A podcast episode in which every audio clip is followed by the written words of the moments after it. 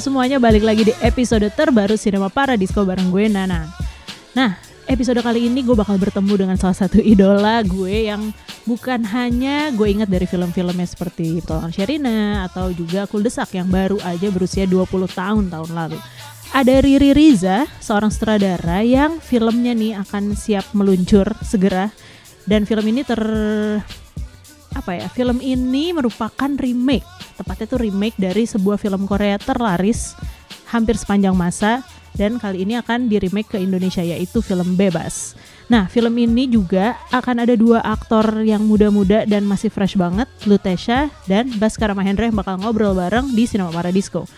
Nah, gimana ya keseruan Riri Riza mendirect dua aktor ini yang juga harus masuk ke dalam konteks film yang filmnya tuh tahun 90-an dari mulai background ceritanya sampai musiknya. Nah, kita langsung dengerin aja yuk cerita Riri Riza, Lutesha, dan juga Baskara Mahendra di Cinema Paradisco.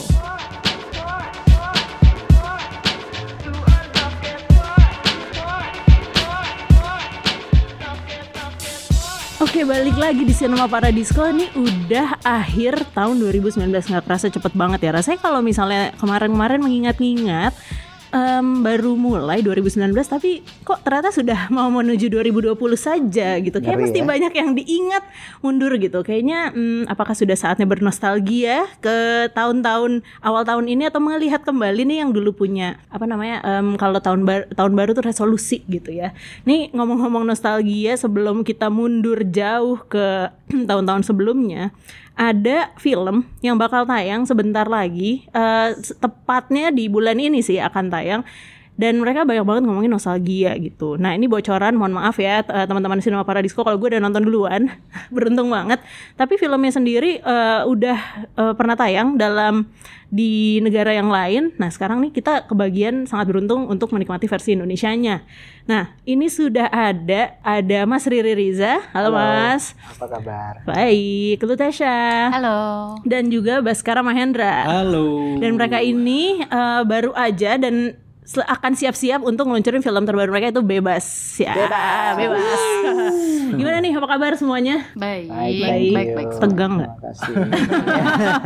Nah ya seru banget nih kalau bocoran aja kemarin sempat ikutan preview nonton nih Ya. eh, sebelum nonton itu udah sempat lihat colongan-colongan yang udah pada eh, reunian SMA gitu Reuni ya. di bioskop. reuni di bioskop itu Iya, iya, iya. gue iri banget sih tadinya kayak ini apa sih kok gue boleh ikut terus kayak oh ya ini reuni di bioskopnya anak-anak ini wah gila gue merasa FOMO gitu kan Eh, jadi kayak oke eh, setelah ngerasain itu semua memang film ini film adaptasi ya mas ya Yes. dari ya. film eh, Korea judulnya Sunny sebuah film remake. mungkin. Remake, kita oke. kita nyebutnya mungkin lebih cocok remake. Mhm. Tentu saja remake itu uh, karena karena dia kebetulan filmnya sudah pernah uh, jadi gitu. Mhm. Kalau seumpama dari sebuah uh, teks mungkin biasanya kita nyebutnya adaptasi. Tapi ini iya. mungkin remake. Mhm. Walaupun proses meremake-nya ya hampir kayak men- mendapat kebebasan untuk Mhm. melakukan tafsir-tafsir Mhm, bebas. mhm. Ada karakter yang kita bisa tulis ulang, kita bisa uh, apa uh, interpretasi sesuai dengan sesuai dengan lingkungan budayanya Indonesia pada zaman itu jadi lebih free gitu. Mhm, Uh, ya remake adaptasi. Sesuai judul juga ya nih ya free bisa bebas juga. Bebas. Bebas lah. Nah sebelum kita nostalgia yang agak jauh aku pengen ngajak Mas Riri justru nostalgia dikit dong. Mas em, Mas Riri lumayan ini ya kalau dikaitkan sama Makassar ya Aku pengen tanya nih, eh, apa ya yang paling dikangenin kalau misalnya lagi nggak pulang kampung atau lagi lama gitu? Apa yang dikangenin dari Makassar?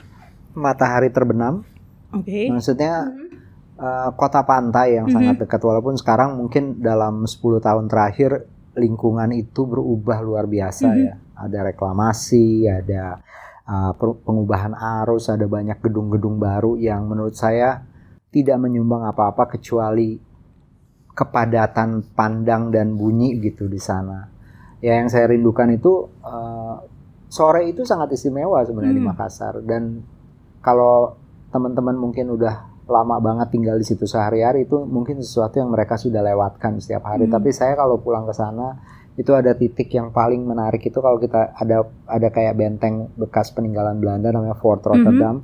Kalau kita naik ke situ sore itu istimewa atau kita bayar boat sekitar 50 ribu perak ke ada pulau dekat sekali kelihatan itu kayak kalau jalan kaki ke pulau itu kalau misalnya ada jembatannya gitu mungkin cuma 15 menit gitu. Itu ada pulau yang bagus sekali titik sunsetnya. Dan ada ibu-ibu yang suka kita kasih uang sedikit dia bikinin pisang goreng enak banget sambil Oh. nunggu sunset Itu perfect banget ya itu kayaknya. yang saya suka rindu kalau Kapan terakhir makan pisang goreng ibu itu? nah aku kemarin sempat ada ada pemutaran bebas di sana Mhm. tapi nggak sempat ke pulau itu Hmm. pengen banget sih ngajak teman-teman ke sana tapi tapi mungkin di kesempatan yang Mhm. berikutnya deh gitu Oke. Tapi dulu waktu pertama kali bikin film masih di masih di Makassar atau udah di Jakarta? Enggak ya? sih saya tuh ikut orang tua pindah ke Jakarta Mhm. waktu umur saya 9 tahun tahun 79 Nah. Jadi saya menyelesaikan pendidikan SD di sini terus masuk SMP SMA jadi benar-benar jadi anak Jakarta Mhm. rasanya gitu ya. Kuliah di Jakarta. Uh, kemudian baru mulai sering balik ke Makassar itu kayaknya ketika mulai bikin film lagi Mhm. tahun 2000 2000 2003 2004 setiap kali film selesai saya tuh promo ke sana dan mulai kenal lagi dengan tempat itu gitu. Uh, baru deh udah mulai lebih intens berkontak uh, berinteraksi dengan teman-teman sana. Kalau ngelihat teman-teman di Makassar sendiri, yang terutama sekarang juga mulai banyak ya filmmaker yang Ya. menarik banget karyanya dari sana. Eh, gimana tuh mas? Mereka kayaknya cukup look up ya, selalu bilang kalau kariri gitu dari Hmm. Makassar kan. Kalau Mas Riri sendiri ngelihat eh, perkembangan teman-teman gimana? Iya, sebenarnya saya tuh terinspirasi suatu waktu tahun 2011 saya pulang ke sana, itu Hari Film Nasional. Mereka itu bikin film, terus muter film, terus jual karcis, terus saya datang gitu. Ini ini maksudnya lu bikin bioskop gitu. iya. Maksudnya saya nggak menemukan itu di banyak tempat loh. Uh, banyak filmmaker, tapi abis bikin film mereka kemudian ya paling dikirim ke festival ke Mhm. jauh uh, ke tempat-tempat kayak Jakarta ada festival apa. Kalau di Makassar itu kalau bikin sesuatu itu sampai selesai mereka teman-teman itu. Walaupun filmnya mungkin sederhana dan referensi tentang film itu kebanyakan masih Hollywood atau film drama televisi gitu ya. Tapi dibikin sampai selesai gitu dan saya merasa waktu pulang ke sana pertama saya bilang wah ini kayaknya banyak banget yang kita bisa kerjain. Ini 2011. Oke. Gak lama kemudian saya bikin sebuah space di sana, terus saya bikin kayak pelatihan Mhm. filmmaker udah jalan enam tahun gitu tiap tahun. Tapi kemudian saya mulai merasa gila nih kalau kayak gini gue kok bikin filmnya jadi lama ya dan orang-orang di deket kita di Jakarta udah mulai stres gitu. Riri kalau udah bulan-bulan Agustus tuh udah mulai menyendiri di pojok nulis email ke mana-mana gitu bikin proposal apa. Mungkin saya mau slow down dulu Hmm. dan memberikan teman-teman Makassar kesempatan untuk menemukan lagi direction baru. Nanti baru saya balik lagi kali Hmm. setelah beberapa tahun. Regenerasi juga ya kalau Ya. kayak gitu. Ya. Oke. Nah ini tadi ketemu sama teman-teman yang di Makassar. Nah sekarang mau nanya juga nih, kalau ketemu sama yang dua ini nih, gimana ceritanya? Gitu pengen tahu juga nih. Kalau kalau Baskara sama Lutesia sebenarnya jalurnya standar sih ya. Kita saya mau bikin film, saya butuh teman-teman yang sudah punya pengalaman dan yang pada saat yang sama juga kemungkinan masih bisa memberikan warna baru kepada film saya. Terus ya muncul nama mereka, saya pengen banget nonton My Generation waktu Mhm. itu film yang UT baru main tapi I missed it. Uh, somehow film itu cepat sekali masuk dan keluar waktu itu seperti banyak film lain termasuk banyak film saya juga. Uh, tapi saya saya waktu itu sangat tertarik untuk tahu lebih jauh dan Mhm. ketemu melalui proses audisi dan Baskara tuh eh, sama juga sih. Saya kayak belum ngeh dia main apa sebelumnya. Padahal dia main di sebuah film yang temen cukup dekat saya yang bikin yang lima itu. Ada Lola, ada Tika di situ. Eh, I missed it juga gitu.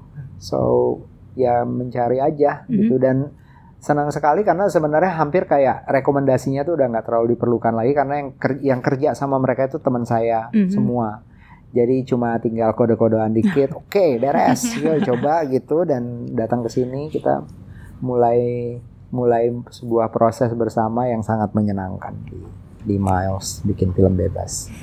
Nah kalian gimana waktu itu ditemukan atau akhirnya melewati proses-proses itu? eh, mungkin sebelumnya yang mundur dikit ya. Ke- kenalan nama karyanya Mas Riri itu film apa? Petualangan Sherina. Petualangan Sherina. Oh, Yang childhood bener. memory ya. Pasti lah nonton di bioskop. Sherina Tapi nontonnya bioskop. waktu kecil. Waktu kecil ya. Waktu kecil. iya. Iya. lah. Wow, oke. Dan Iyalah. Dan itu adalah pengalaman kalian ketemu dengan karya itu dulu ya sampai Iya. akhirnya ketemu beneran gitu. Benar. Nah itu gimana tuh kalau boleh tahu sedikit mungkin ini adalah gimana eh, reflect eh, karyanya eh sorry karirnya dulu nih dulu eh, tadi udah dibilangin eh, Lutesha sama Baskara main di film My Generation dan juga Lima gitu sampai akhirnya ketemu Mas Riri nih eh, gimana proses itu gitu Kalau misalnya proses casting film bebas sih prosesnya lama banget, jujur panjang tiga bulan. Sampai aku tuh lupa kalau aku casting film ini. Saking kayak udah low, low expectation aja, nggak usah mengharapkan apa-apa. Terus tiba-tiba dipanggil. oke Jadi super senang banget. Dan itu pun castingnya kayak ke kantor ini hmm, dua sampai tiga kali castingnya. Hmm. Tiga bulan ya Tiga tuh kamu banyak banget berarti castingnya apa gimana sih sampai lupa gitu Enggak, enggak, enggak. ya? Maksudnya kayak Karena ya lupain yang di casting banyak. Oh, oke Karena di casting banyak jadi kitanya juga nggak tahu. Mungkin Mas Riri juga Dan pikir kalian ya. saling dengar ya, maksudnya Iya. deng- tahu kalau si ini juga dipanggil. tahu karena ke akhirnya kan banyak Oh, berteman. very good sebenarnya. Iya. oh gitu ternyata ya oke oke Mas Sarah gimana tuh karena kita kayak aku sama Lutesha udah kenal dari My Generation Mhm. kan bareng terus eh tahu ada info, dia cerita gitu dia casting buat Miles tuh kok gue nggak diajak ya gitu Mhm. kayak ternyata memang ceritanya waktu itu kan ya masih cewek-cewek banyak Cewek-cewek. cewek gitu Mhm. cowoknya nggak banyak jadi dia casting tuh kayaknya di bulan Agustus gue kayaknya di bulan November kayak la- jaraknya lama banget Iya, iya. dan setelah itu baru ada kabar lagi kita Januari Gue Desember. lu Desember nah dia dapat kabar tuh kayak Aku lock Desember. Hmm. Gue dapat gitu. Dede kayak masih masih aku nggak ada digantung. kabar. Gitu. stres tuh ya nungguinnya kayak sudah Oh, dengar gini stres. enggak lebih kayak oh gue gak dapet. Dah gitu. Iya, udah udah low expectation. karena udah udah tahu nih udah ada yang dapat berarti kan buat yang mainin karakter Jojo kayaknya udah ada dong Iya, gitu. iya, iya. Oke, oke. Ini kalau boleh mundur lagi ya. Aku tuh dulu, aku kebetulan dapat kesempatan nonton film mereka berdua, dua-duanya nih ya. Jadi My Generation, aku ingat si gadis warna pink ini rambutnya gitu kan. Pakai wig pink ya. Dan waktu itu kamu, kalau nggak salah, Lutesha dimulai dengan model. Iya, Bener nih? modeling dulu awalnya. Mhm. Nah, ketika sekarang udah mulai actingnya filmnya udah banyak, ada selain dulu My Generation, terus ada web series yang lumayan panjang juga Halustik ya. Halustik, ya. Terus eh, main di Ambu juga. Nah, sekarang kayaknya makin lama makin layar lebarnya kenceng nih. Apakah kamu juga sudah mulai mengarahkan, oh deh kayaknya modelingnya sama filmnya sebagai eh, aktris akan lebih banyak yang mana nih? Jujur kayak karena udah umur kali ya, modelingnya udah jarang banget. Soalnya Oke. aku start modeling umur berapa ya? Sekitar 20 tahun. Soalnya kalau misalnya modeling tuh turnover tuh banyak banget, Oke. semakin banyak uh, new faces kan. Dan industri fashion itu emang mencari uh, fresh apa sih model-model yang baru gitu yang lebih oke. muda gitu. Terus ya udah kayaknya akan lanjut di movie industry aja. Oke, oke. Dan promising juga nih ya, Lutasha. Amin amin amin. Kalau Baskara, aku penasaran tadi kamu ngomongin casting. Sebenarnya ini adalah kayak banyak teman-teman di luar sana yang suka juga casting ada bukan sekedar casting kayak oke mau castingnya filmnya apa atau iklan apa. Mereka banyak biasanya sekolah acting. Lalu mereka biasanya suka kayak ya ini ada casting ini ya segala macam. Kamu mengalami gak sih kayak eh, sekolah belajar acting lalu nanti punya kayak teman-teman yang juga sama-sama lagi ngerintis karir jadi aktor dan segala macam itu atau kayak memang kesempatannya oh iya nih karena modeling juga Hmm. atau gimana? modeling apa? ini konon soalnya juga eh, aktor slash act eh, model nih Mbak sekarang. Bener gak sih? Oh enggak ya? gue enggak gue takut disuruh modeling kalau gue kayaknya karena mulainya lumayan aneh gitu jadi gue nggak nggak gue nggak mengalami sekolah acting gitu karena gue lulus eh, gue lulus kuliah seperti pada dasarnya gue kerja kantoran gitu gue sempat bisnis terus tiba-tiba ada suatu DM di Instagram yang ngajak untuk kenalan dan untuk eh, ngomongin soal acting gitu. Gue tertarik untuk ketemu karena ternyata yang yang dibahas itu kita bukan ngebahas soal acting aja dia ngebahas soal regenerasi aktor gitu. Dia merasa kalau aktor di Indonesia itu lagi itu lagi yang main dia lagi dia lagi. Oke. kayak dia punya manajemen yang pengen ya banyak aktor baru di industri film Indonesia gitu. Jadi pas ketemu tuh kita ngomong bukan soal eh, bukan soal kayak uang ngomongin materi nggak sama sekali. Kita ngomongin malah kita ngajak diajak berkarya bareng gitu. Hmm. itu yang bikin gua kayak oke kayaknya asik nih gua tinggalin kantoran gua gitu gue tinggalin bisnis gua gue coba yang baru deh gitu. Karena belum nemu juga mungkin waktu itu kayak passion gua tuh apa sih gitu belum nemu juga terus pas ya kayak akhirnya mulainya dari iklan. Oke. Jadi teman-temannya awal itu justru teman-teman dari iklan. Jadi kayak taunya casting casting itu dari teman-teman iklan gitu. Habis itu baru masuk ke web series, barulah ke film setelah itu. Oke. Lima tuh film pertama berarti atau My Generation? My? Generation, dulu. tapi kan My Generation supporting role gitu dan di lima eh, ya main castnya ada lima gitu, lima orang tapi ya lu- perannya lebih besar dibanding di My Generation gitu. Mhm. Oke, menarik juga ya. Tapi eh, berarti tadi turning pointnya akhirnya mau, oke nih, apa yang membuat lo yakin gue ninggalin itu semua? Padahal dapetnya DM doang tuh ya, Hmm. gitu. Kalau yang mungkin kalau Lutasha dia uh, mengalami model apa, tapi kalau Baskara kayaknya lumayan ini ya pede nih kayak gue switching deh nih gitu. Apa yang bikin lo yakin? Eh, kayaknya emang anaknya suka mencari aja sih gitu. Kayak dulu lulus kuliah bisnis gitu. Habis itu bosan ah gitu gue bisnis sendirian nggak punya kolega gitu kan. Akhirnya gue ngantor gitu. Ngantor kok bosan ya? Gue gini-gini Iya, doang gitu. Capricorn workaholic suka tantangan. Nekat, nekat, nekat juga. terus udah gitu. Kayak gue bosan lagi gitu akhirnya udah acting gitu. Acting ternyata ya sampai sekarang masih mencari terus karena acting kan nggak pernah habis gitu karakternya beda terus terus genre-nya bisa beda terus gitu. Jadi masih lebih banyak yang bisa dieksplor gitu. Oke, menarik juga nih ya kenekatan-kenekatan mereka ini ya mas ya. Dan itu itu sebenarnya sangat dibutuhkan sih eh, sekarang. Seben- kalau kalau mau dilihat memang aneh karena contohnya banyak kan. Maksudnya kita dalam 10 tahun terakhir kan muncul misalnya kayak mulai dari Lukman Sardi, Nicholas Saputra, Doni Alamsyah, Reza Rahadian gitu. Eh, kemudian ada eh, eranya Adipati gitu. Kemudian muncul muncul banyak yang eh, kalau saya pikir sebenarnya peluang untuk berkarir dengan sungguh-sungguh di dunia acting atau dunia film itu buat anak-anak muda tuh besar sekali.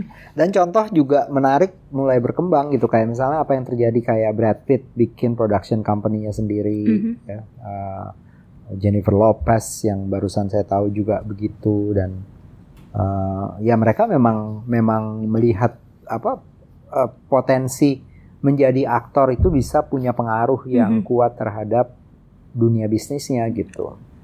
Hmm. Um, dan ini contoh panjang maksudnya tadi di tadi saya ngajar gitu dan kita ngomongin Teguh gitu Pak Teguh Karya. Pak Teguh itu dulu memulainya itu dengan bikin sebuah sanggar gitu. Jadi uh, hampir semua dia mulai itu dengan me- meng- meng- mengangkat beberapa aktor menjadi kayak bagian dari tim kerjanya.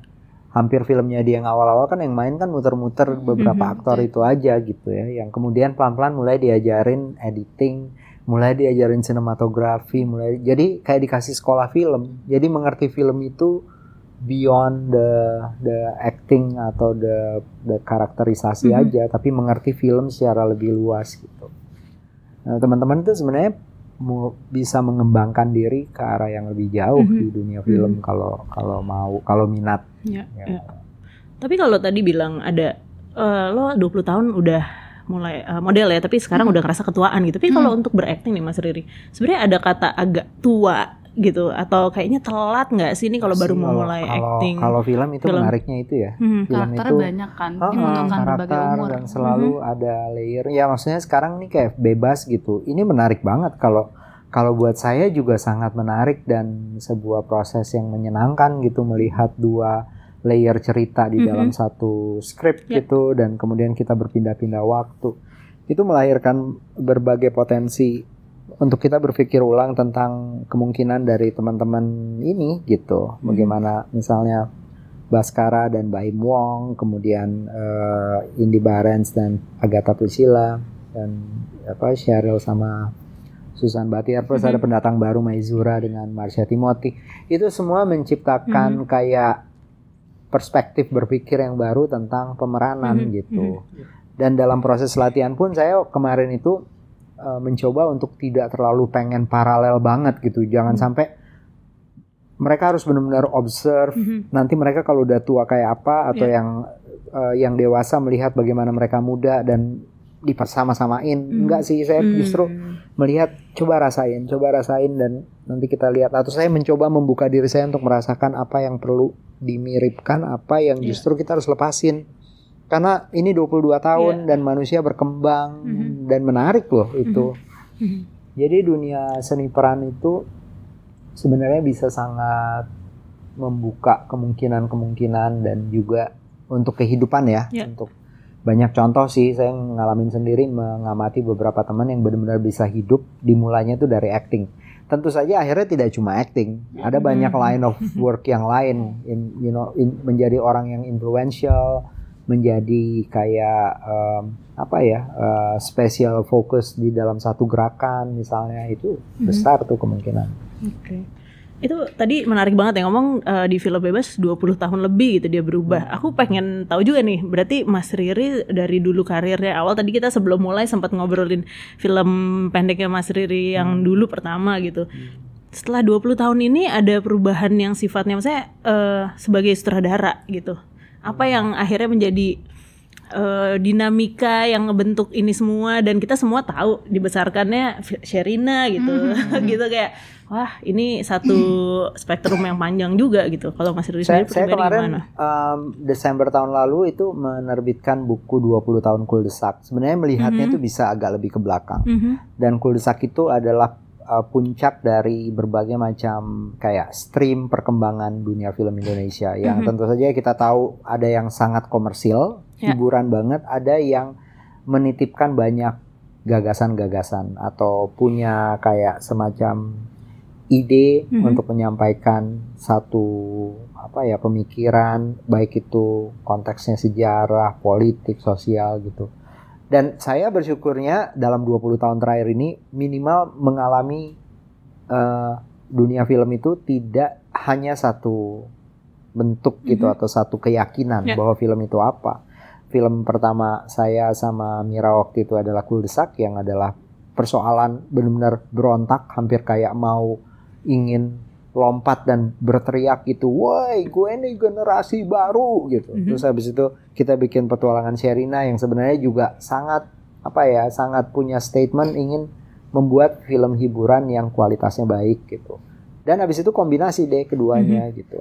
Jadi saya pikir dunia, dua wilayah produksi film itu kita alami Mhm. gitu. Dan sampai hari ini bebas ini bisa dibilang eh, kayak step yang sangat menyenangkan gitu eh, ketemu dengan bakat baru yang Ya. saya sebenarnya eh, kadang-kadang saya merasa diterima kayak teman seangkatan gitu sama mereka. Terus habis itu saya mikir-mikir, gokil jauh banget ya jarak jarak kita tuh jauh banget. Kita kadang-kadang ngobrol pergi ke mana-mana bahkan kerja gitu itu kayak punya visi yang sama gitu dalam melihat sesuatu tapi sebenarnya kita datang dari generasi yang leapnya tuh Mhm. jauh banget gitu jadi uh, itu sih menariknya ya Ya, ya. kayak uh, saya seneng banget di dalam udah ham- lebih dari 20 tahun uh, bekerja di dunia film Mhm. gitu uh, teman-teman masih menemukan teman-teman yang energinya bisa share-nya tuh bisa enak gitu dan they give me a lot kalau menurutku sih Mhm. maksudnya mereka tuh kayak ma- ngasih banyak sekali energi gitu untuk untuk bisa merasa bahwa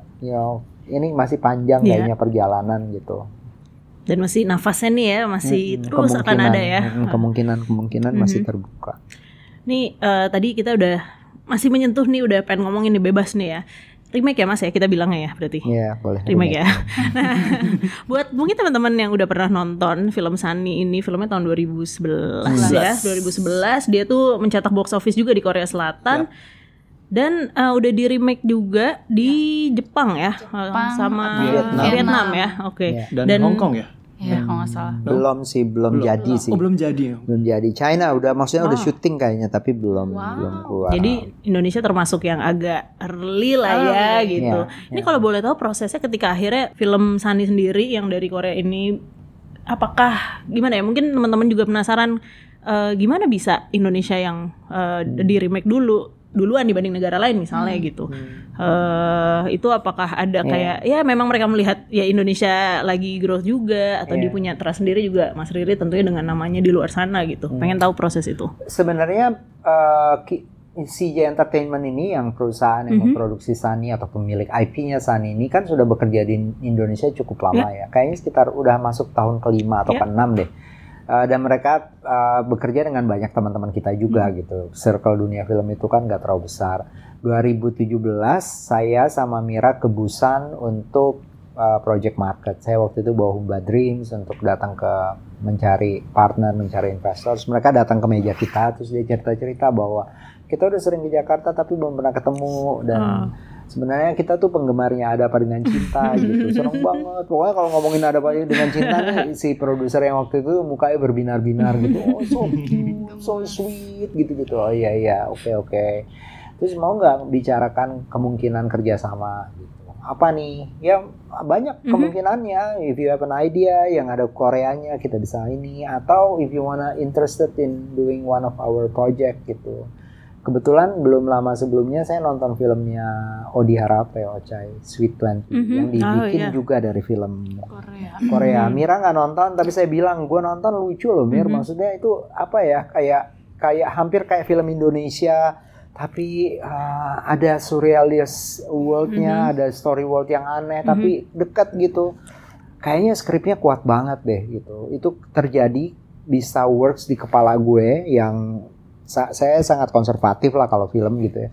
Itu pasti karena skripnya jadi hmm. gitu. Dan akhirnya ya udah ngomongin ini ini dan kita dikirimin saya pertama kali kirimin DVD saya nonton -hmm. sendiri Mira belum sempat terus habis itu kita organize sebuah screening room kecil -hmm. di di Pavilion 28 waktu itu.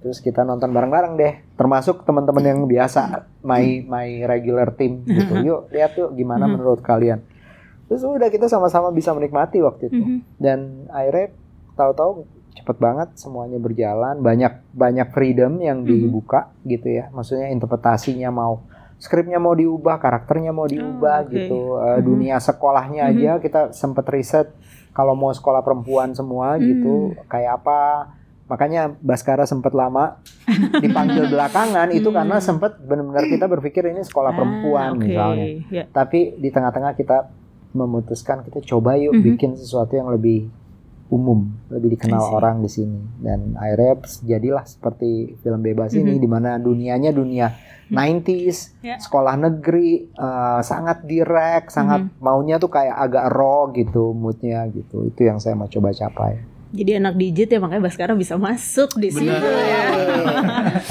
ini tapi uh, penasaran soal kalau judul berarti juga semua itu ya apa ya nggak ada uh, bebas itu benar-benar dari kita dikasih bebas kebe eh, kebebasan, kebebasan itu juga dan kebetulan begitu kita 90s gitu mm -hmm. uh, Iwa itu saya inget banget saya ajak dia main di film Kulsak waktu mm -hmm. itu ah, saya iya. datang nemuin dia ke Bandung gitu uh, nungguin dia lagi siaran di Radio Os mm -hmm. ngobrol gitu itu tahun 94 95 ah. gitu mm -hmm maksudnya kayak ngelamar dia gitu ada album baru gitu ada lagu Kramotak ada lagu Kapal Goyang mm -hmm. gitu. Wah lo mau nggak main film gue? Oh film apaan lo? Gila gue kan bukan apa-apa. Enggak lo keren banget lo bisa jadi kayak oh, yang di Brooklyn itu yang orang-orang yang bawa-bawa kereta supermarket iya, di luar Oh my god kayak yo iya deh boleh deh. Terus juga kita kita sama-sama ngembangin idenya terus jadi gitu. Dan gue selalu membayangkan Iwa tuh kembali kan terus mm. kita ketemu lagi tahun lalu uh, dalam sebuah suasana yang agak emosional karena dia banyak cerita kan dia habis ada persoalan dengan marihuananya itu. Terus ngobrol-ngobrol terus ketawa-ketawa gila ya dunia ini katanya lucu banget gitu. Dan wah lo mau nggak? Mira yang cerita gitu kita mau bikin ini judul judul lagu lo gitu. Mm -hmm. wah semuanya menggelinding dengan mm -hmm. sangat asik. Oh sebebas itu ya. Si bebas. Nah, pengen lihat uh, kalau karakter Jojo nih ya, Baskara. Pengen tahu gitu Ada. kenapa uh, masukin itu gitu. Kalau misalnya waktu itu inget kebetulan aku nonton Sunny mungkin uh, masih baru-baru juga lah, mungkin dua tahun lalu atau setahun yang lalu itu. Makanya pas lihat kayaknya nggak ada ceweknya deh makanya pas eh sorry nggak ada cowok kayak cewek semua gitu nah saya uh, memasukkan satu orang doang gitu dan hmm. yaitu Jojo gitu itu gimana tuh pertimbangannya ya intinya nomor satu itu bahwa hmm. sekolah all female gitu kan nggak banyak di Indonesia. -hmm. Mungkin uh, ya tentu saya yang ta kita tahu ada beberapa. Walaupun kita ngobrol dengan beberapa alumni sekolah perempuan dan sangat menarik gitu, yeah. tapi kita mau coba. -hmm. uh, kemudian tokoh Jojo itu sebenarnya ya satu kayak gambaran yang kita bayangkan mungkin uh, lucu banget gitu mm -hmm. ya lo punya geng yang ada cowoknya satu mm -hmm. gitu di waktu SMA sih Uh, saya juga punya geng yang cowok semua, teman-teman cewek punya geng cewek semua. Tapi dia menjadi lengkap ketika kita pergi bareng kan. Iya. Yang cewek sama cowok janjian sekali waktu nginep di villa mana gitu. Terus itu dia baru tuh. Nah makanya kalau kalau saya mikir, ih lucu kali ya dan benar waktu itu uh, Mira sama Gina Esnur yang yang adalah penulis pendamping di sini itu uh, sama-sama tossing di idea gitu. Oh, oke. Dan itu terjadi setelah draft berapa gitu. Jadi kita sempat menulis beberapa draft yang semuanya perempuan. Oke. Terus di satu titik mulai diganti satu jadi cowok. Mhm. Menggabungkan dua karakter jadi satu. Terus habis itu ada beberapa peran-peran yang tadinya perempuan diganti semua jadi laki-laki. Wow gitu. Maksudnya saya sih seneng ya karena saya tuh bukannya kalau dilihat banyak sekali film saya yang main karakternya tuh perempuan. Iya. Sherina, Eliana, Eliana. Kemudian ada untuk Rena, Atir. eh, Atira. eh, sebenarnya Laskar Pelangi itu bisa jadi tokoh perempuan ibu guru muslimah itu kan cukup Hmm, dominan gitu. Banyak yang bilang eh, saya tuh punya punya sensitivity dalam menggarap tokoh perempuan gitu. Hmm. Tapi kalau semua ada tokoh cowok, saya tuh suka gitu Hmm. karena dia tuh kayak bisa bisa ada balance dan lebih dynamic dan lebih eh, ya udah Mhm. jadi dunia dunianya lebih imbang gitu ketika kita membuat saya sebagai Mhm. sutradara yang kebetulan laki-laki gitu but I would I love working with these girls maksudnya Mhm. mereka itu mereka tuh semua kayak punya direction karakter yang sangat menarik Mhm. gitu maksudnya tokoh yang dimainkan Lu- Lutetia itu Suci itu kan agak gelap-gelap gimana Mhm. misterius agak agak nyebelin awalnya tapi pelan-pelan kita tuh kayak pelan-pelan kita tuh kayak mengerti gitu itu kayak dibuka dia Pas sedikit-sedikit ya. gitu dan akhirnya kita sangat mengerti dia Mhm. dan kita akhirnya kita menangis ketika dia harus going through something in Mhm. the story gitu itu itu buat buat saya tuh asik banget gitu ditambah ada cowok yang lucu maksudnya lucu banget yang imut, yang Imut. imut.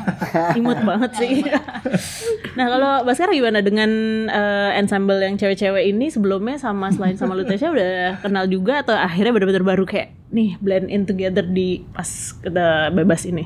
Belum, jadi yang kenal baru Lutesia aja. Habis itu yang lain ketemu pas proses reading pertama gitu dan ternyata mereka semua menerima. itu yang paling Lo penting. mah temennya cewek-cewek semua.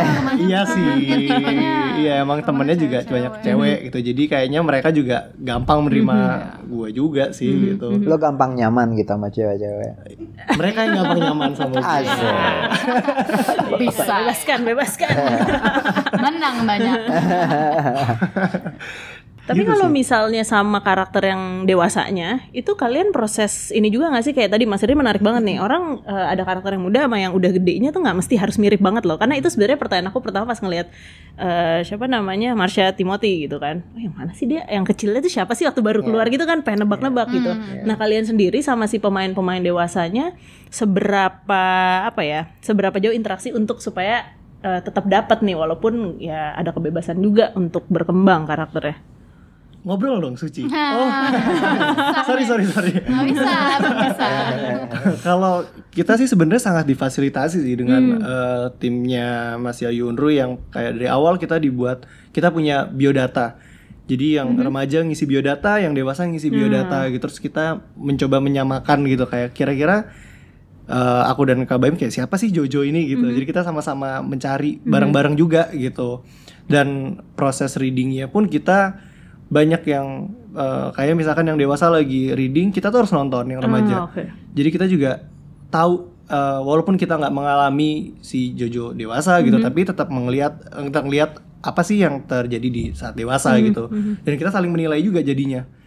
Gitu. Jadi kayak sempet kok ada masanya kayak siapa yang udah dapet Jojonya duluan, siapa yang belum dapet Jojonya gitu. Jadi Ah, kayak akhirnya kita saling ngaca juga gitu. Kita ngelihat kalau misalkan eh, dia udah dapet kayak gimana sih Jojonya itu gitu. Dan kita ada sempat sekali yang seru itu kita dituker.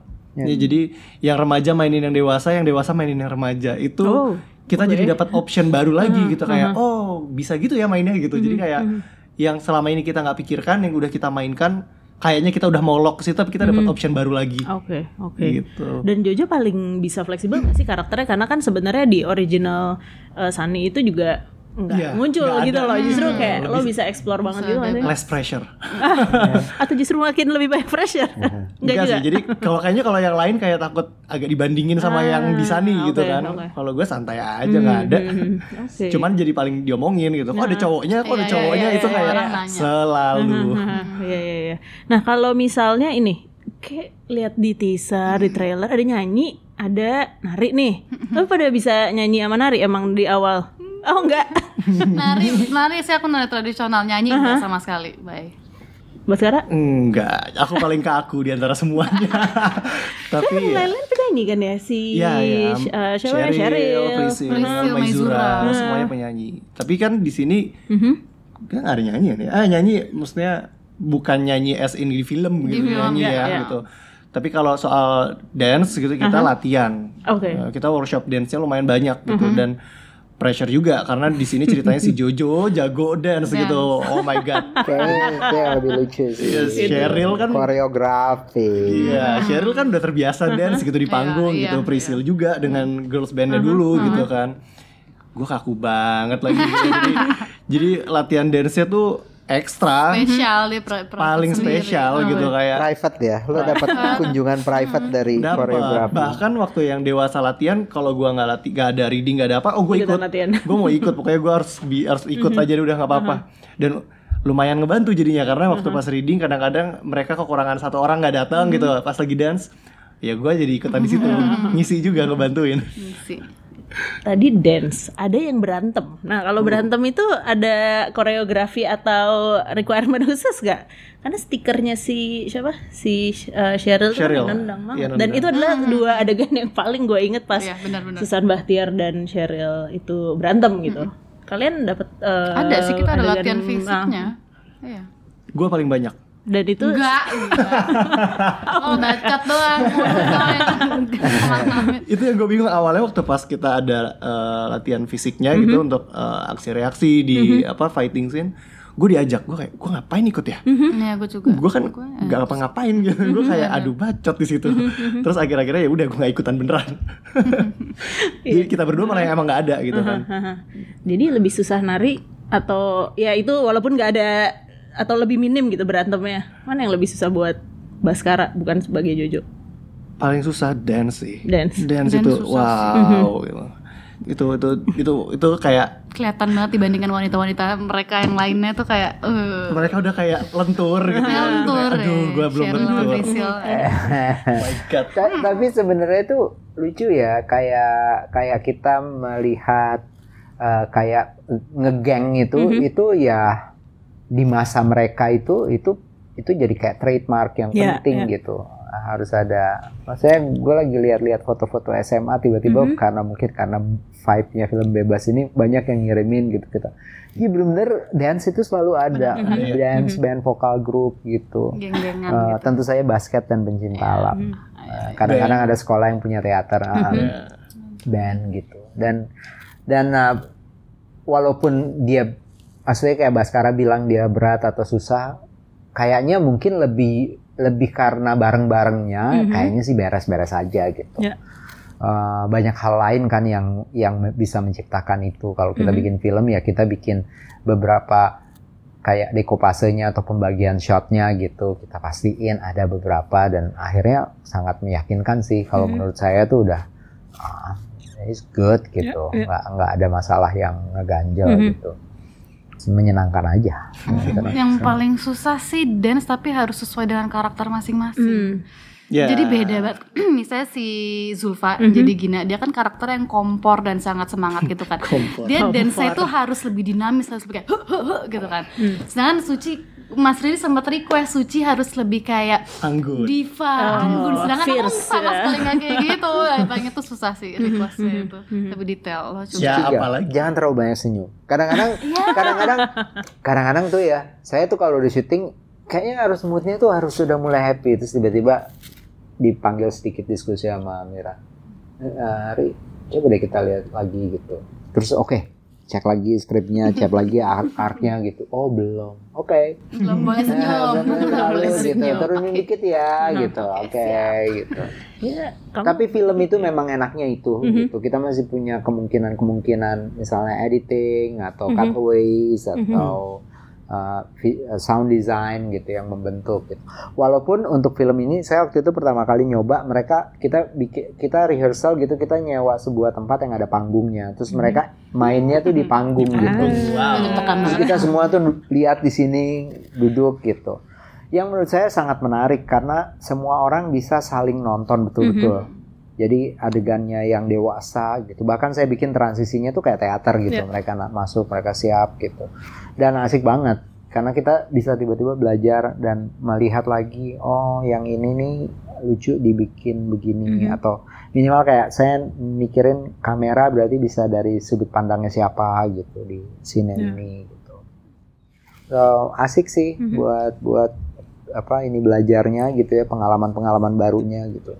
Buat Mas Riri. Yes. Buat kita yang deg-degan. Karena ditonton Mas Reza, Sarah Sehan, aduh deg-degan. Semuanya nontonin kita. Senior, wow. senior. Udah gitu Kak Baim nggak ada. Ah. Gue yang mainin dewasa. Oh my god, gue makin kayak Jadi kamu dua kali gitu maksudnya? Iya, yang Oke. dewasa main, remaja main. Gue kan gak apal lainnya dia semuanya kan. Jadi kayak, oh my god, gue harus mainin. Gue takut. Ini menarik juga pemilihan nama nih Mas ya. Aku kalau di kalau nggak salah di Sunny original itu si Nami. Nami itu juga karakter penyanyi tahun 90-an ya, 80-an gitu dia 80-an, dan datang 80-an dari ya. daerah yang Ah. sangat khas di sana. Nah, ini ada Vina, Panduwinata, Suci sang primadona gitu. Aku tuh pas tadinya nggak nyadar ya, pas Eh. ini Suci iya si sang primadona. Nah, itu ada emang ada apa ya selain memang karena mungkin eranya 90-an dan segala macam ada ini nggak sih tendensi lain soalnya yang paling bisa menjawab ini dengan ini banget pasti Mira karena Mira itu eh, melakukan banyak sekali perenungan dan cross reference Hmm. waktu termasuk misalnya kayak mem- karena kita dari awal udah punya bayangan bahwa musik adalah bagian penting dari Mhm. film ini karena kita pengen ada kita ingin ada mood bergerak Mhm. bermain gitu Eh, tapi em, sebenarnya nama-nama ini betul nama-nama yang 80 90-an itu sangat dominan Mhm. Vina Panduwinata, Krisdayanti, terus habis itu Sumedang, Jawa Barat, Sukabumi, Sumedang itu lucu banget gitu semuanya dan itu sangat penting untuk eh, apa ya untuk untuk bicara tentang budaya pop Aha. karena budaya pop itu adalah eh, apa ya se- se- satu hal yang penting untuk kita potret Hmm. di dalam konteks sejarahnya era periodenya Iya. bebas ini Mhm. 90-an gitu. Kita bicara tentang kegelisahan anak muda Mhm. yang udah mulai rame tawuran. Mhm. Kita bicara kayak waktu itu saya kebetulan waktu itu anak band gitu ya dan di tahun 90-an awal itu itu mungkin bisa dibilang masih eranya cover band karena Hmm. musik itu waktu itu perkembangannya itu cukup aneh gitu. Eh, eh, industrinya sangat formal Mhm. gitu. Eh, penyanyi pop yang yang ngetop itu hampir kayak repetitif jalan terus gitu Krisya Vina Vina Krisya terus uh, Ruth Sanaya Harvey Maleholo gitu hampir tidak ada regenerasi yang signifikan sampai di tahun 94 95 dan itu kita pikirin banget nah semua nama-nama itu itu cross uh, saya sih cuma denger aja lagi setiap ada perkembangan. Ri ini namanya ini. Ah lucu. Yang ini gini ya. Wah menurut saya tuh kayak ide brilian datang dari waktu ke waktu Mhm. Ya, gitu ya. Dan mungkin karena memang eh, Mira beruntung tumbuh remajanya tuh di di tahun-tahun itu. Mhm. di tahun-tahun akhir 80-an awal 90-an Mhm. jadi buat dia tuh enak banget gitu. Crossing itu gitu. Tapi waktu itu Tasya tahu eh, apa namanya konteks si kalau Vina Panduwinata dan Krisdayanti tahu lah ya. Dan Tahu. Suci sang primadona dan segala macam. Tahu, Suci sama Iya. siapa tahu? Siapa sih? Suci Sang Primadona tuh ada sebuah film Mhm. gitu. Oh ya? Yes. Bahkan baru tahu sekarang. Arifin, Arifin Senior. Oh oke. Bukannya udah pernah ada yang mention. Ada kok yang mention waktu pas kita ya? di mana gitu. Ada yang mention Suci yang primadona. Dan itu Sang pas Primadona mana sih nih? Lainnya tuh kayak pas banget ya maksudnya. Waduh, Tapi. Suci Prima- Primadona tuh film tahun 90-an. Iya, Kayaknya Uh, akhir 80-an. akhir 80-an ya, ha, Oke, gitu. Jadi mungkin abis ini kalau belum nonton Oke. menarik juga tuh gitu. Jadi ini mungkin dia ketahuan ya angkatannya jadinya. gitu.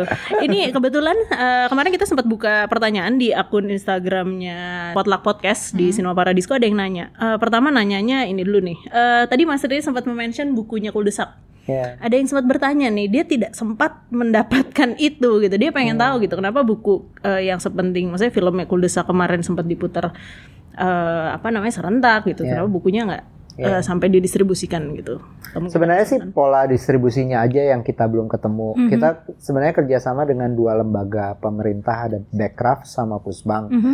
Uh, maunya itu buku itu harusnya gratis gitu. Cita-cita Hmm. awal kita itu buku itu harusnya gratis dikasih ke komunitas ke Mhm. ke apa perpustakaan-perpustakaan gitu dan tapi jaringan yang mau dilewati itu adalah lewat Pusbang dan Backcraft. Jadi ada Mhm. sedikit aja komplik kompleksitas uh, persoalan administratif untuk Mhm. itu. Mu- mu- Mudah-mudahan nggak terlalu lama Uh, Oke. dan tunggu aja kayak pameran-pameran atau kegiatan khusus di situ Oh. baru kita biasanya punya alasan untuk kayak semacam menjualnya untuk uh, donasi Mhm. uh, untuk program-program lanjutannya Mhm. Kuldesak di waktu yang Oke. akan datang gitu.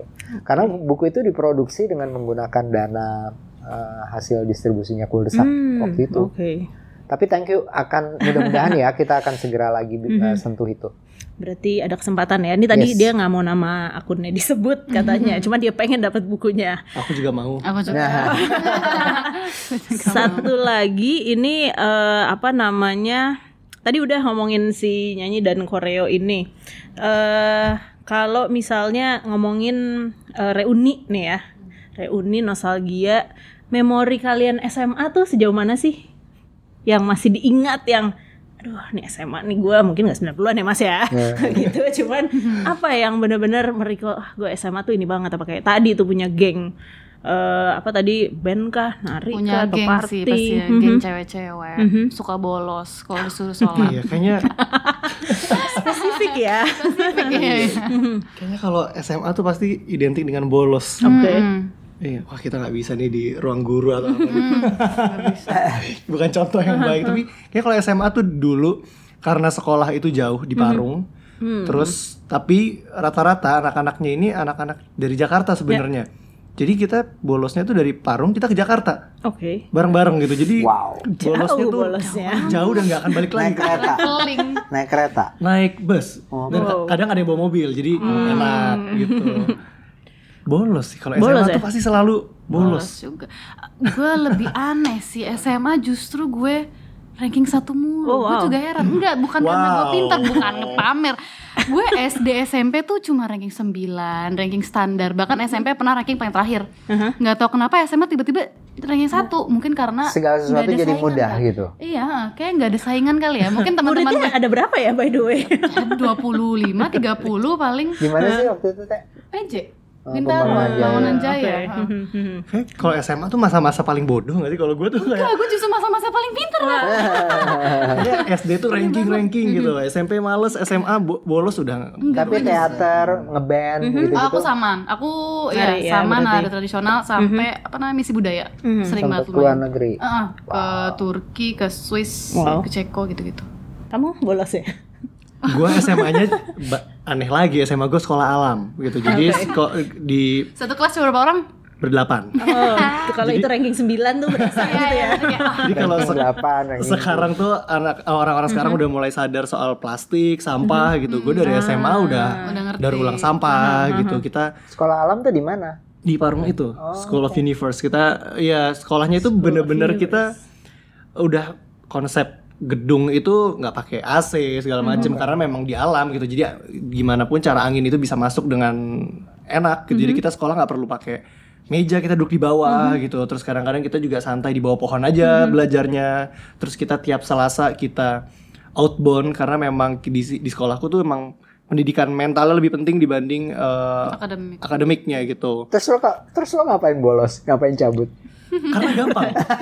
kita pakai baju bebas sekolahnya. Kita nggak pakai seragam. Ah, iya. Betapa kehilangannya guru-guru itu cuma ada sembilan, bener delapan lulusnya semua. cabut. Cabutnya semua gitu. Cabutnya rame-rame lagi. Aduh itu. Parah sih. Tapi gurunya nangis mulu. gitu. Gurunya kita nangisin terus. Jadi anak-anaknya tuh absurd semua kayak kita lagi seru banget main capsah gitu main kartu. Gurunya datang, "Bu, kalahin kita dulu main capsah baru kita belajar." Oh. Wow. Akhirnya main capsah dulu beneran. Tahu-tahu sisa sejam gitu kan. Jadi Pintar ya mau ngulur waktu. iya, anak-anaknya tuh sekarang juga ya nggak ada yang ini maksudnya sukses semua dan aneh-aneh semua gitu. Jadi kayak kok awalnya ya kita udah tahu sih kita Ternyata nggak- itu pendidikannya, pendidikan tuh mestinya begitu. Iya, iya. Kan, Maksudnya mempersiapkan skill hidup lo gitu. kan, Bener. Life skills. Bahkan kita kalau mau lulus tuh harus survival. Iya. Kita ada survival di hutan, kita berapa hari gitu, itu salah satu ujian kita. Oh, wow. Jadi kita bukan uan gitu, tapi itu. Wow. Jadi ya kalau di hutan aja lo bisa hidup gitu kan, apalagi di ini di kota gitu. Seru juga. Kalau SMA-nya Mas Riri gimana nih? Wah, saya kayaknya kombina lebih ke arah ke arah Baskara tapi eh, saya di lab school waktu itu. Namanya keren banget kan ya lab school, tapi sebenarnya kacau banget Lab sih kita ini. Rawamangun Oh, belum ada. Belum waktu itu lab school di Jakarta cuma satu di Rawamangun dan dan eh, saya prestasi belajarnya sangat kalau tidak mau dibilang jelek ya mediocre sekali gitu. Tapi saya suka eh, main musik gitu, main ya, bukan mencipta musik tapi main musik ngeband gitu. Dan eh, banyak cabutnya yang pasti gitu. Karena kita tuh di kita punya sekolah itu sangat tertutup eh, tapi kita bisa menemukan banyak lubang-lubang untuk keluar gitu. Ya, dan, dan dan ada tempat yang unik banget kayak kita masuk ke gang di belakang situ kemudian ada kayak warung namanya Warlong. Warlock. Oke. Warung Tegal gitu ya yang pe- si bapaknya kita udah kenal baik.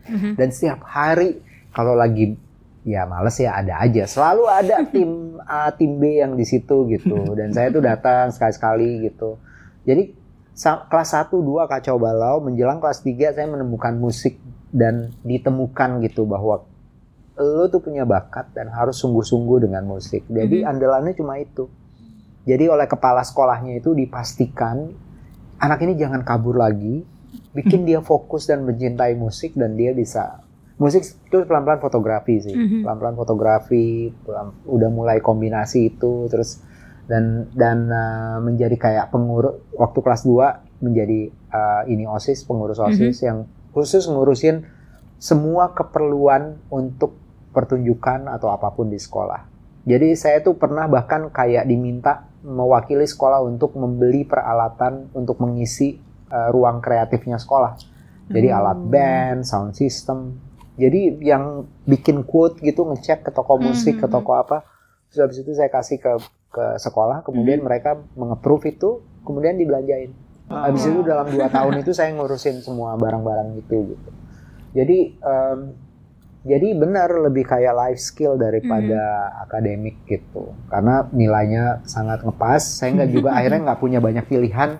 Da- karena waktu itu masih tahun 80-an nih ya, di mana pilihannya IPS, IPA dan Bahasa. uh, bahasa gitu. Terus habis itu kita kayaknya kok nggak semuanya ya, apa ya gitu. Terus dalam waktu kurang lebih setengah tahun sebelum lulus, mulai fotografi, kemudian dicariin, kita sama-sama ngecek gitu. Ada ada beberapa teman satu geng saya, ada yang ngambil seni rupa, ada yang ngambil uh, hubungan internasional, ada yang ngambil manajemen di mana kita sama-sama riset gitu.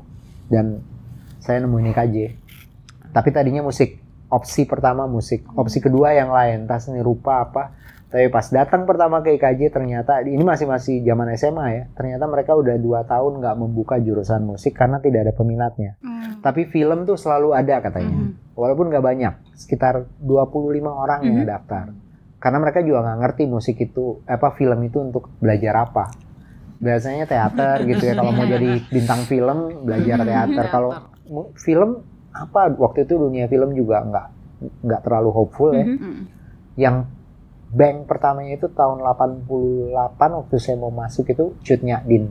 Ah. Cut Din keluar Mhm. dan buat saya tuh kayak wow ada film kayak gini dan waktu itu eh, Oscar nomininya itu Dances with Wolves eh, Kevin Costner. Jadi nontonnya tuh bareng di di di Tamrin itu ada studio XX1 pertama, studio 21 pertama itu mainnya bareng. Dances with Wolves sama Cutnya. Cutnya Adin dan Megaria bukan? Hmm? Bukan Megaria. bukan di Jakarta Theater. Tamrin Jakarta Jakarta bukan Jakarta sih kayaknya namanya Nusantara 21 ya. Waktu oke. itu. Dan nonton dan saya tuh melihat "Ih, gila ya ini film Indonesia tapi kok mi- maksudnya dia membawa ide tentang struggle tentang mer- kemerdekaan tentang uh, humanity kemanusiaan itu kayak sama dengan apa yang kita bisa lihat di film Amerika yang satu lagi nih gitu. Technically technicality-nya juga kayaknya nggak jauh-jauh beda gitu. Dan itu kayak leap gitu. Itu kayak quantum leap untuk film Indonesia waktu itu. Karena ngelihat film Indonesia yang lain tuh gila. Kita dulu kan sering tuh ya zaman zaman itu masuk ke bioskop hanya untuk ketawa-ketawa ngob- ngobrol filmnya ini terus tiba-tiba dia menjadi kayak adegan yang surreal banget gitu ya atau komedi yang absurd banget gitu dan baru kita diem kita ngelihat terus kita ketawa lagi wah gila ya hancur banget. Film Indonesia tuh hancur banget benar kayak dibikin tidak dengan ide apa pun tidak dengan kesungguhan apa pun gitu. Kita nggak kenal sutradara film Indonesia kecuali beberapa dan tiba-tiba ada cutnya Adin nah itu yang Turning yang point-nya. Heeh, gitu yang bikin gue yakin banget kayaknya menarik deh dunia ini gitu. Kalau aku kayak dari kecil nggak tahu kenapa setelah aku inget-inget ya dari, dari kecil udah pengen jadi aktor. Random banget sih. Setiap hari aku inget sebelum aku TK berarti masih umur lima tahun kali ya empat tahun nggak tahu. Aku bangunin papa aku jam 6 pagi untuk ngeplay VHS Cinderella. Setiap hari jam 6 pagi tank selalu sebelum sekolah sebelum sebelum TK sebelum TK Wah. bahkan hmm, masih kecil banget terus mulai SD mulai nonton ya film Hollywood Harry Potter, Pirates of the Caribbean, lain-lain. Terus kayak sering aja gitu kayak ngayal lagi, lagi di red carpet atau Oh. enggak apa scene kayak Madonna bener nih. iya. ini tahun berapa SD paling kelas 3 SD 2000. Oh. 2000 awal kayaknya deh. Setelah aku inget-inget ya. Tapi begitu SMP SMA kayak mulai ya dunia udah ada realita terus kayak udah dilupakan mimpinya. Eh, ternyata kembali lagi nih kayaknya. Iya, terwujud. Ada yang tiba-tiba kamu inget lagi juga Mbak sekarang? Kalau aku sih nggak pernah mau deh dulu malah. Cita-cita aja deh apa dulu? saya pernah jadi model waktu kecil Nggak pernah, nggak mau karena nggak mau. Nggak suka. Aku tuh nggak suka di foto dulu dari kecil. Aku tuh nggak suka di foto. Jadi kalau foto-foto SMA, SMP tuh dikit banget karena nggak suka di foto. Makanya sampai sekarang modeling pun masih takut karena nggak suka di foto. takut gitu kalau modeling. Kan dari dulu tuh nggak pernah kayak kepikiran mau jadi aktor karena somehow dulu tuh selalu kayak men apa ya mendiskreditkan aktor gitu kayak seakan-akan selalu berpikir kalau ah modal tampang aja cakep-cakep gitu. Iya, iya, iya. Jadi kayak diajakin apa nggak pernah mau gitu kayak oh gue pinter sorry gitu loh. iya, Jadi iya, kayak nggak dari dulu tuh kayak nggak mau karena gitu karena gue akademik bagus gue pinter kok gitu gue nggak mau jadi aktor gitu. Padahal ya setelah gue ketemu orang-orangnya setelah gue mulai casting dan terjun ya orangnya juga pinter-pinter gitu. tapi tapi misalnya kayak waktu film kayak misalnya ada apa dengan cinta lah main lo itu waktu um- umur berapa tuh waktu itu 2000 berapa itu? 2002 2003 Lo berapa? gue umur 10 Eh no Ya Eh gue tuh 93 ya iya dua Iya. ya sepuluh. 10 SD ya, 9 berarti. 10 tahun SD, Teh, SD gitu sama ya. kan aku satu tahun terus beda. tapi tapi apa ngeh nggak gitu? Nonton sih aku ada Nonton nonton. Tapi nggak pengen gitu. Nggak nggak tahu kenapa kalau nggak Oh, pengen kalau sih. aku sih dibicarakan eh, waktu lo SMA tuh film yang istilahnya influence film Indonesia ya, itu apa Aku tuh nonton film Indonesia tuh udah dari SD. Karena aku tinggal deket Megaria. Aku nonton inget banget 30 hari mencari eh ya 30 hari mencari cinta di Megaria. Bahkan sampai Jelangkung, Kuntilanak itu aku nonton semuanya. Nggak tahu kenapa, iya selalu film Indonesia, selalu beli tiketnya dan pakai seragam gitu. Heeh, selalu abis. Tapi itu nggak SMA dong berarti kalau film-film itu? SD SMP Ah. deh, SD SMP. Berarti SMA ada yang recall mungkin nonton film SMA, apa? SMA, oh SMA aku udah mulai Eropa, bioskop Eropa, kayak Dogtooth yang aneh-aneh gitu, Udah mulai nyari-nyari film-film cult movies Oke. gitu yang Eropa gitu sih. DVD on DVD Ya download, hehehe. Bajak dia download gimana dong? Sorry. kalau kalau Baskara apa yang lo nonton waktu SMA Gua itu malah pas SMA, SMP itu nggak mengalami suka dengan film. Hmm. Jadi nggak Lo baca, nonton. lo lebih baca. Iya, soalnya sukanya baca. Aku lebih nonton. Hmm. Jadi kalau baca tuh macam-macam dari Twilight aja gue baca gitu kayak sesampah itu aja gue baca gue punya waktu kalau buat baca gitu karena gue lebih senang sendirian dibanding di tempat rame gitu kalau gitu-gitu cuman pada saat terjun ke industrinya dari pertama kali mau masuk industrinya langsung ngejar semua film. Kayak gue harus nonton semua film-film Indonesia gitu. Yang kejar Indonesia dulu karena ya. ya. ini gitu yang gua masukin tuh ini. Gue Iya, mah harus tahu gitu dan belajar terus-terusan gitu. Jadi kalau kayak di tempat-tempat apa eh, mini cinema yang kayak Kinosaurus, kin eh kin, kine- Kineforum. kino- Kineforum. Kineforum, Kinosaurus sering lah ada itu gua nonton di situ karena ngejar ketinggalan karena gua nggak no- nggak nonton SMA gua nggak nonton SMP nggak banyak nonton. Betul. Berarti mungkin ya Mas ya. Nanti ada film-film dari era semua orang zaman SMA itu perlu ditontonin lagi gitu film Indonesia. Kayak misalnya Cutnya Din eh, kalau aku bahkan juga belum sempat nonton tapi melihat cerita yang tadi kayaknya wow itu turning point banget ya pada masa itu. Eh, Katanya sih itu habis direstorasi di Prancis dan mungkin kita akan bisa nonton lagi. Oh, menarik banget nih. kalau aku nonton loh di PS Oh iya. Aku di Kinosaurus. datang ke PS waktu itu nonton beli tiket yang rebutan itu aku lumayan ngejar Baris apa online? enggak eh, beli di itu apa bisa beli di apa namanya Di MTX Iya. MTX gitu cuman kan cepat banget abisnya Oh iya sih, rebutan. jadi yang Ini pertama yang tahun kemarin Iya, tahun lalu. kemarin. Lalu tahun Tahun lalu lalu. tahun lalu loh Sumpah. udah setahun Oke. Sudah 20 tahun ya Mas ya. Oke, ini seru banget ya. Kayaknya mungkin abis ini ngobrolannya bisa lebih panjang. Tapi tentunya eh, waktu juga yang memisahkan kita. Cuma nanti buat yang penasaran dari tadi kita udah ngobrolin banyak hal termasuk yang penasaran sama bebas. Tanggal 3 Oktober 3 Oktober please. di bioskop Tiga- Yes. sudah sangat dekat. Eh, mungkin pertanyaan terakhir. Selain sama teman SMA, menurut teman-teman di sini nonton sama siapa nih? Nonton film bebas. Kalau sama teman SMA udah pasti kan nontonnya nggak sekali ya Mas. Enggak, saya pikir dengan siapa pun bisa ya. Maksudnya kita bisa punya kolektif memori bersama tentang satu waktu, tapi tidak harus dengan orang yang pelakunya gitu. Ya kayak sekarang hampir semua dalam proses kita mengerjakan ini banyak banget yang kita kembali rekoleksi gitu ya sesama kita pemain ini ketawa-ketawa nginget masa-masa muda kita bersama gitu. Dan em, ini film yang sebenarnya bicara soal kayak pertanyaan-pertanyaan hidup gitu Mhm. eh, yang kebanyakan ternyata lucu ya. Maksudnya kita memimpikan kita menjadi apa dulu terus realitanya 20 tahun kemudian kita Mhm. menjadi kayak apa. Ute sama Baskara mungkin eh, belum bisa membayangkannya karena mereka masih sangat muda tapi kalau banyak banget teman-teman teman-teman saya gitu ya yang yang menyebutnya nostalgic tapi habis itu ngajak mojok untuk ngomongin sesuatu yang lebih aduh gila ya. Ya. emak-emak ya katanya.